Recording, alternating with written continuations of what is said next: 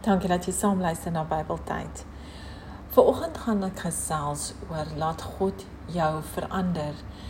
En ek gaan 'n hele stuk lees uit Deuteronomium 30 vers 1 tot 10.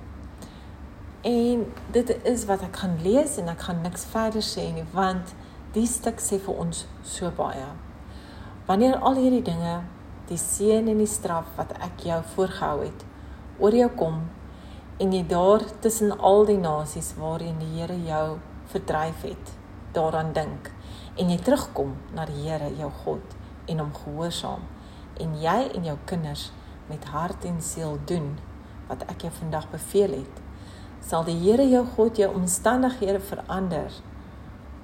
Hy sal jou jammer kry en jou weer bymekaar maak van oral af waar waarheen hy jou tussen die volke verstrooi het al is jy verdryf tot in die uithoeke van die aarde. Die Here jou God sal jou daar gaan bymekaar maak en van daar af gaan haal. Hy sal jou terugbring na die land toe wat deur jou voorvaders besit is. En jy sal dit in besit neem. En die Here sal aan jou goed doen en jou meer laat word as jou voorvaders was.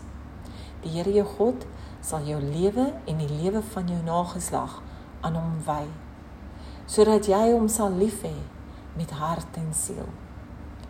Dan sal jy lewe en die Here jou God sal al hierdie strawwe laat neerkom op jou vyande en op jou haters wat jou agtervolg.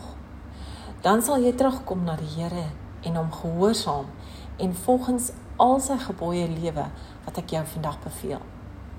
Die Here jou God sal jou dan voorspoedig maak in alles wat jy aanpak en hy sal jou kinders die aandeel van jou vee en die opbrengs van jou land baie maak sodat dit met jou goed sal gaan.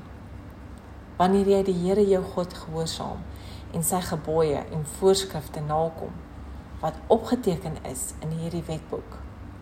En wanneer jy met hart en siel terugkom na die Here jou God, sal hy hom weer oor jou verbly soos hy hom oor jou voorvaders verbly het en sal dit met jou goed gaan.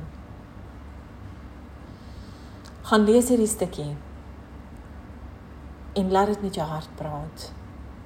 Daar is soveel mense daar buite wat nou in 'n baie moeilike situasie is. Kom ons versprei hierdie stukkie. Kom ons versprei ook Bybeltyd sodat ons mense se harte daar buite kan raak. Dankie dat jy saam geluister het. Totsiens.